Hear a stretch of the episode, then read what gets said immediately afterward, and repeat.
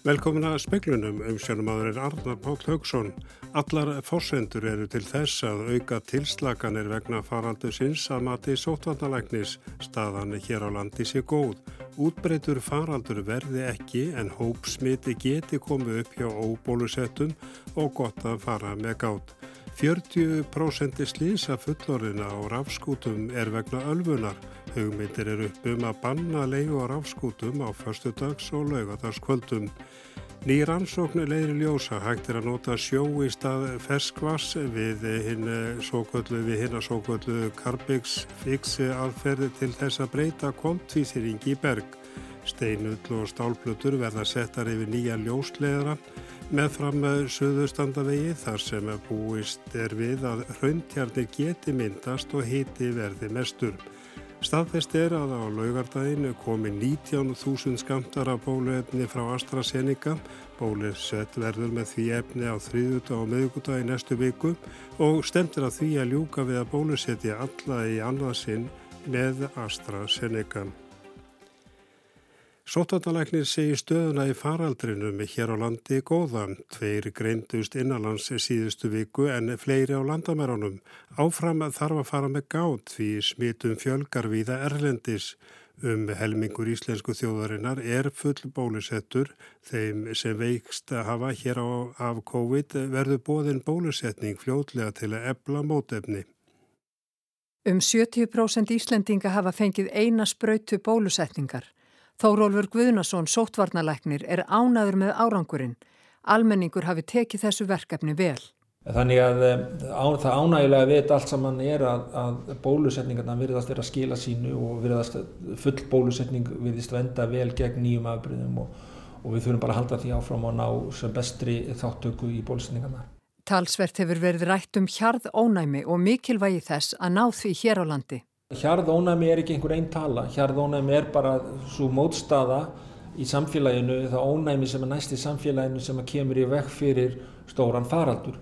Og uh, já, ég myndi halda það svo að væri en við getum náttúrulega ennþá fengið smít hjá fólk óbólusettum og, og kannski eh, myndum aldrei fá held í útbreytan faraldur eins og staðan er núna. Við getum fengið einhverja litlar hópsíkingar sérstaklega hjá yngra fólki eins og er að sjást ælendis Ekki hefur verið tekin ákverðun um hvort öllum 12 til 15 ára verður bóðin bólusetning. Nú er unnið að því að bólusetja fólk á þessum aldrei með undirlikjandi sjúkdóma. Fylst verður með reynslu af bólusetningum þessa aldurshóps erlendis og farið hægt í sakirnar. Ólur Rún skólatótti tók saman og haugur Holm rætti við Þóról Gunnarsson.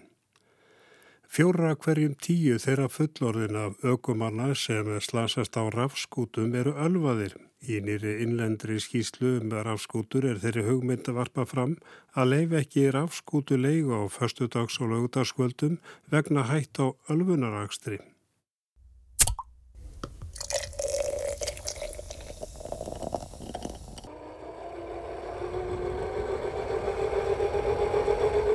Rafskútum hefur fjölgað mikið á höfuborgarsvæðinu á síðustu tveimur til þremur árum og þær njóta vaksandi vinselda. Túsundir tækja er í umferð, bæði í enga eign og í leigu. Óumdelt er að þessi nýji ferðamáti eru umhverfisvæð, en honum fylgja vakstaverkir og ímisvandi hefur komið í ljós. Einn er ölfunarakstur. Margir virðast fristast til að leia hjól eftir að áfengi sig verið neitt og þá er voðin vís. Hjaltimár Björnsson er yfirlæknir á bráðamóttöku landsbítalans. Það eru nokkuð um sliðis út af þessu nýja sangungumáta sem betur fyrir eru þau lang flest minniháttar uh, en það er þó solítið um skurði sem þarf að sauma eða beinbrott en það hafi ekki verið neynir lífsættulegir áverkar sem, sem ég hef vitað að venda farið. Það er alveg áberandi hversu margir af þeim sem slasast á rafskútum hafa verið undir áhrifum áfengis og síðasta sömar þegar við heldum nákvæma skráningu um þessi slis reyndist 40% fullorðin að hafa slasast undir áhrifum áfengis.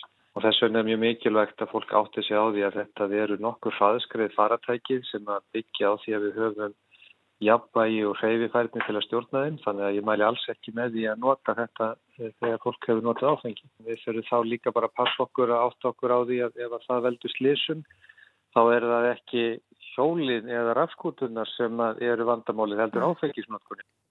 segir Hjaltimár Björnsson. Í nýri skýslu Vaffes og ráðgjafar um rafskútur og umferðar öryggi hér á landi er meðal annars fjallað um ölfunarakstur. Skýslan var gerð fyrir Reykjavíkuborg og vegagerðina. Þar er þeim möguleika velt upp að banna leigu að rafskútum á förstudags og lögataskvöldum ef reynsland bendi til þess að notendur leigir rafskútur undir áhrifum áfengis. Kristján Sigur Jónsson saði frá.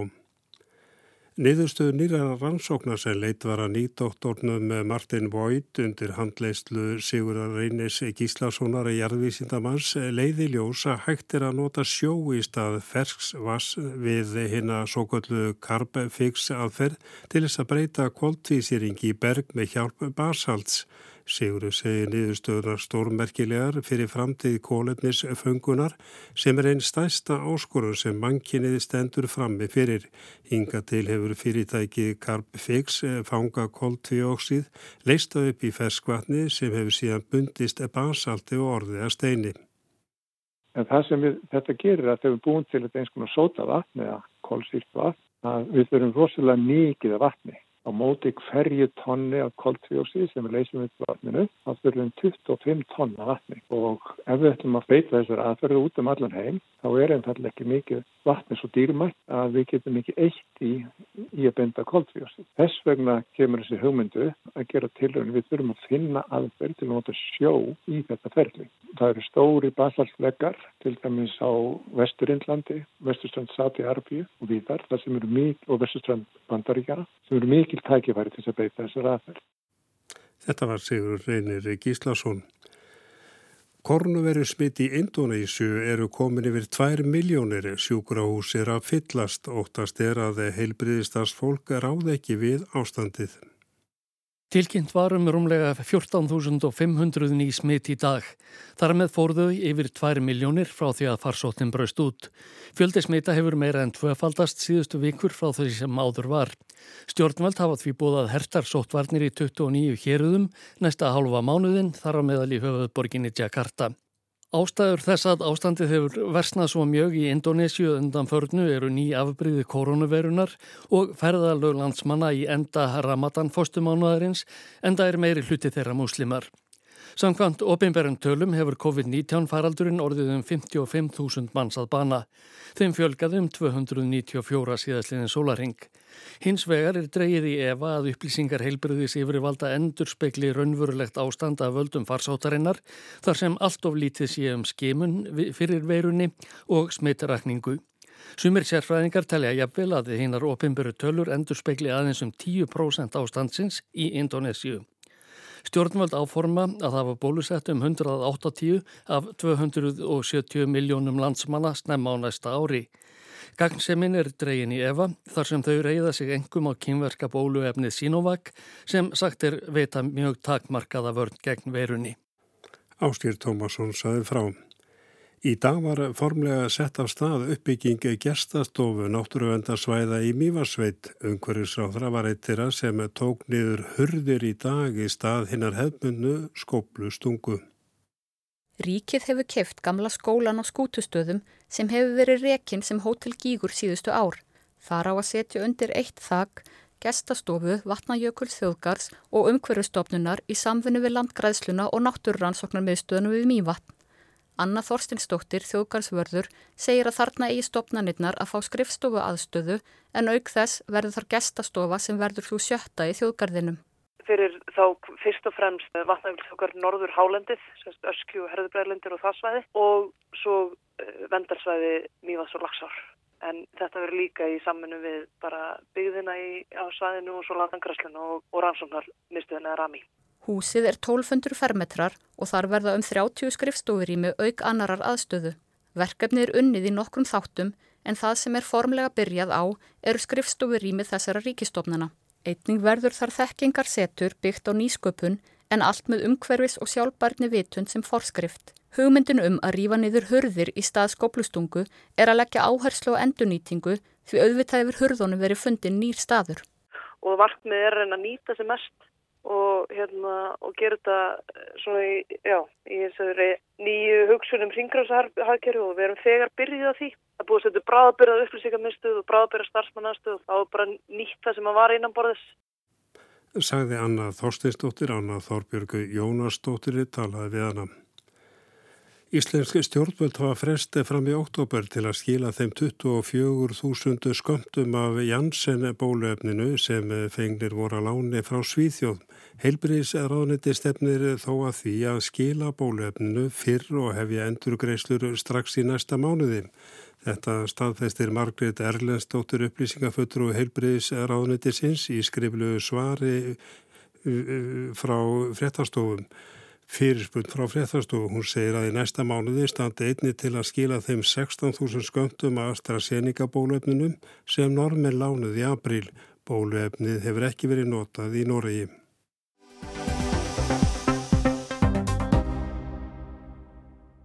Svíþjóð stendur nú frammi fyrir nýri stjórnakreppu eftir að þingi lísti í morgun vantrausti á fórsættisráþarann Stefan Löfven. Fósvarsmenn flokkana deila nú um hver eigi sög á því að stjórnakreppa hafi bæst ofan í efnaðskrepp og heimsfaraldur. Eh, Kára Gilvarsson, þú hefur fylst með því sem er að gerast í Svíþjóð en hvers vegna fjall er ríkistjóðin? Já, það maður nú eiginlega segja að þetta sé ákveðin svona tókstreita sem er innbyggð í ríkistjórnina frá upphafi. Hún var mynduð þessi stjórn eftir að það hefði verið, stjórnakreppa í Svíþjóð í fjóra mánuði eftir þingkostingum 2018 og hún er mynduð sem að menn kalla svona yfir miðjuna. Það eru jafnaðmenn og græningar sem að setja í stjórninu og, og skipa ráðferðana uh, en svo eru tveir hægri flokkar sem hafðu verið hluti af sko kostningamandalegi hægri manna Sendel, miðflokkurinn og Líbelana frjálfsveindir, þeir stegja falli gegn því að fá í gegn sko fjöldamála sem verið hengt í frangand á, á kjörtíðanbyrnu og síðan er fengtiflokkurinn, vinstriflokkurinn sem að já, eiginlega var svona neittur til þess að stiga ríkistjórnina vegna þess að annars væri bara hægri stjórn eða, eða upplöst. Þannig að það er mjög erfitt fyrir vinstiflokkinu en að réttlæta það að stiga ekki stjórn jafnaðanna, jafnvel þótt að þeir eins og í þessu tilfelli fái ekkit fyrir sín hlut. En þeir sögðu það reyndar strax þarna í byrjun að ef að þetta mál sem að ríkistjórnum fellur á núna að taka upp eh, frjálsa leigusetningu á, á nýtt íbúðurúsnæði. Ef það verður þetta gegn, að þá munum við lýsa yfir vantrösti á ríkistjóðuna. En þetta virkar kannski ekki stórt mál sem að ríkistjóðun er að falla á. Þú ert að meina að, að það hafi verið komin upp tókstreita innan ríkistjóðunarinnar og þetta komi sjálfur sér ekki óvart. Nei, sko vinstirflokkurinn hefur gaggrínt að það ríkistjóðun alveg frá upphæðu fyrir að vera mjög markað og, og, og segja að meðflokkurinn og frálstendir hafi fengið alltaf mikið í gegn. Og uh, maður hefur það líka tilfinninguna jafn að menn sé að setja í, gegn fullt af málum sem að þeir myndum ekki vilja gera nema út af því aðstæðunar eru svona. En svo spila líka inn í þetta að vinstirflokkurinn hefur verið kallaður uh, já hvað sem að byrja móta vegna þess að það er eitt ákvæðið þessum samningi sem að sem að hver á um það að e, uh, fórsætið frá þær jafnamanna og ríkisvörnin megi ekki ræða neitt við vinstirflokkurinn. Vinstirflokkurinn er högur þáttakandi þarna og hann á ekki að hafa neyn áhrif, hann á bara að styðja ríkistjóðin að falli en ekki, já, ekki, ekki, ekki ráða meinu. Og eh, svona undanfarnar vikur þá hefur formaður vinstirflokksins verið að, að segja hún vilji ræða þetta mál við þeirran og, og hérna hún mun ekki sleppa því gegn og við munum rísið vandrist og stjórnin hefur haldið þessu áfram en uh, hún hefur ekki einu sinni fengið sko fund með fórsættisar. En það er spurningi núna hvað gerist? Já, núna var vantröðstilegan samfýtt í dag og þá hefur fórsættisar á þeirra samkvæmt stjórnarskrani tíma fram á þriðjúta í næstu viku til þess að reyna að mynda nýja ríkstjóð, nýjan þingmæri hluta uh, og hann hefur þá okkur tromp í upp í erminni allan þann tíma að hann getur búið það til auka kostninga uh, auka kostningar þær eru þá innan þryggja mánu líklega í september og það eru auka kostningar inn á þessi kjörtíðanbyrði. Þá er kosið bara inn á þingið til eins árs en, en næstu kostningar verða eins og annars 20. og, og annan september. Þá getur jafnað menn sagt að þeir séu ábyrgja en hér, þeir hafi reynd að stjórna með mála miðlunum en, en vinstriflokkurinn og miðflokkurinn sínt óbyrgirni og, og svo eru ákveðin flokkar, minni flokkar sem er á hættu því að, að, að hérna, þetta út af þingi, græningar, kristilegir demokrater og frjálslendir eru öll með í kringum 5% skoðanakornum og gætu fallið út af þingi.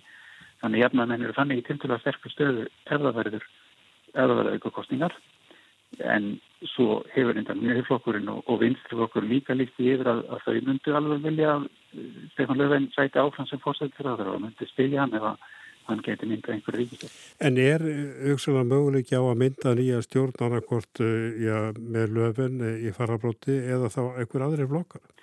Já, það er líka mögulegt að mynda hæri stjórn þá eru þar bísna margir flokkar og, og þar á meðal svíþjóðardemokráðum flokkur sem að á rætur í, í hérna, nínasista reyningu og hefur hingað til e, verið samkvæmlega með það, það með öðrum flokkum inn á einu sannska þinginu að sko vinna ekkert með honum og helst funda ekki einu sinni með að tala við þingmenn þess flokks. Þáflokkur er í stiður ríkistjórn falli og þá ertu líka með e, aðra hægri flokka og þá þarfstu líka að fá einn meðflokkin til þess að mynda þessa stjórn. En, en það er erfitt núna. Meðflokkurinn hefur lagt mikið upp og því að vinna ekki með svíkjóðademokratum. Já, þannig að þetta er allt svona frekar læst. En þetta er í fyrsta, fyrsta skipti sem að vantröst er eh, samþygt á fórsættistráðar í Svíþjóð. Ég get maður sagt að það sé eitthvað að breytast í sænskum stjórnmálum. Já, það hefur kannski breytt sænskum stjórnmálum undan farin ár er að Svíþjóðademokratarnir eru núna með nokkuð fast tæplega 20% af fylgi og stóraukki fylgi þeirra er meðal annars á er bæði sko kostnað hæriflokkana og jafnarmanna og gerir það verkum að, að korki hæriflokkin með hérna, vilstiblokkin geta náð meiri hluta og það sem að breyttist í rauninni núna þessu kjörtíðanbili er að eh, stóri hæriflokkurinn og piratana og, og einni kristilegi demokrater hafa uh, líkti yfir að þau séu til í að setjast í ríkistjórn með stöðningi svíþjóðademokratana og það opnar þá fyrir uh, annars konar stjórn með stöðningi svíþjóðademokratana sem ekki var möguleiki áður. Við sjáum hvað setur Kári Gilvarsson þakka þér kærlega fyrir. Steinull og stálplötur verða settar yfir nýja ljósleðaran með fram suðustandavegi þar sem búist er við að rauntjarnir geti myndast og híti verði mestur. Annars staðar á að setja fargofan á leðaran til að hlýfónum við hitanum. Í liðinni viku var ákveðið að ekki væri reynandi að verja söðurstrandarveg fyrir raunrænsli. Kostnaðurinn væri of mikill. Raunnið úr gósinu í Fagradalsfjalli fær því að renna sína leið til söðurs úr náttaga og austurs úr meradölum og niður á skólarhaun og svo leggjabrjótsraun, lesi speilin rétt á landakortið. Raunnið gæti því með tíð og tíma raunnið yfir vegin, begja vegna og til sjávar. En þó raunnið fáið að renna yfir Suðurstrandarveg hafa almannavarnir samt áhuga á að verja ljósleiðaran sem var nýlega plæður þar niður. Rögmaldur Ólafsson aðstóðar yfir lauruglu þjótt. Það er að vinja núna á helgina að setja farg von á hann, hann að setja lengar niður á hann og betri hýta einangrun og, og líka það sem er búist að meiri hýti minnum verða það sem er búist að vera hraunpollar að, að það er verið sett auka einangrun sem steinull og, og stálplötur. Rögvaldur bendir á að miða við hvað eldgóð séu algengi heiminum sé merkilega lítið til af gögnum um varnir innviða til að mynda lagna í jörðu. Þetta séu því tilraunir en það megi læra af þeim hvort sem þær ganga vel að eitla.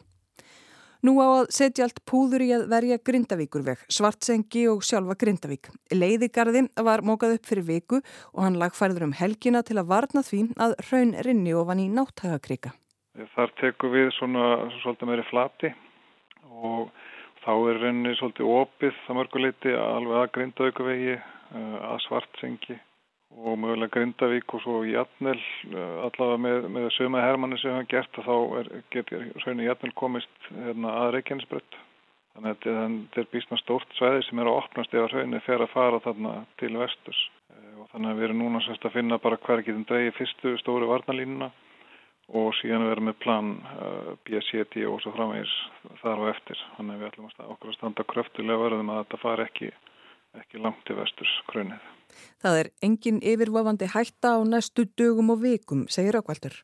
En þetta er bara allar sviðismynd sem kemur fram í, í líkindareikningum og herfinum í okkur og þá ætlum við að taka það alveglega því að það er alveg sem að við veitum eitthvað hvað stendur lengi og við erum búin að sjá nokkra svona taktbreytingar í þessu gósi og, og margt sem er svona er nýtt fyrir fólki og vísendamennum til dæmis að núna, núna síðasta breytingina sem að sjáum að efnasamsetningin á hrauninu hefur breyst og það er núna meira svona þunnfljótandi og fer þar lendir hraðar yfir og lengri vegalendir heldur við að vera að sjá og svo hefur alveg svona því að eftir að vera fleiri taktbreytingar í hrauninu sem að muni koma gróðast. Og einu þarf að huga að þegar að ákvarðanir eru teknar út frá hraunurenslis líkunum, segir Rökkvaldur. Tilnægingin er svo að hraunrenslið segir hraðara lægi. Það er að segja að við erum með líkan sem að gera kannski ráð fyrir einhverju atbyrðars á 1-4 vikum og þá eru oftar en ekki sjá þessa atbyrðars á 1-2 vikum yfirleitt á í skemmri tímaraman og það sem við líka sjá að raun er þó að fara yfirleitt aðeins lengra heldur en, heldur en líkan gerir ráð fyrir. Ef raun kæmist í náttagakrika og úr náttagakrika er nú gert ráð fyrir að til að byrja með myndi það renna til söðurs og jafnvel saminast strömmnum úr náttaga og færi þaðan niður á söðustrandavegg. Síðan segir Rökkvaldur að það gæti opnast leið fyrir raunnið vestur að Grindavíkur vegi og Grindavík en gert er ráð fyrir að þetta tæki allmörg ár. Rökkvaldur ítrekkar að ekki sé yfirbúandi bráð hætta á þessu á næstunni. Þetta sé þó möguleiki og því þurfum við að huga að því. En hvenar þarf að hefja framkvæmdir? Leiðigarðurinn ofan við náttagakrika er fyrsta vörnin í þessum fasabendir Rökkvaldur á. Þar ætti að takast að gera góðan garð, segir hann, Nú sé verið að skoða og skipulegja næstu varnir í eða við náttúrakrika dugi hann ekki til. Já, þá verðum við bara að finna hvað er, er hendugast að koma fyrir vörn með við landslæði sem er fyrir hendi og hvort sem er þá hérna leiðigarðar eða varnagarðar.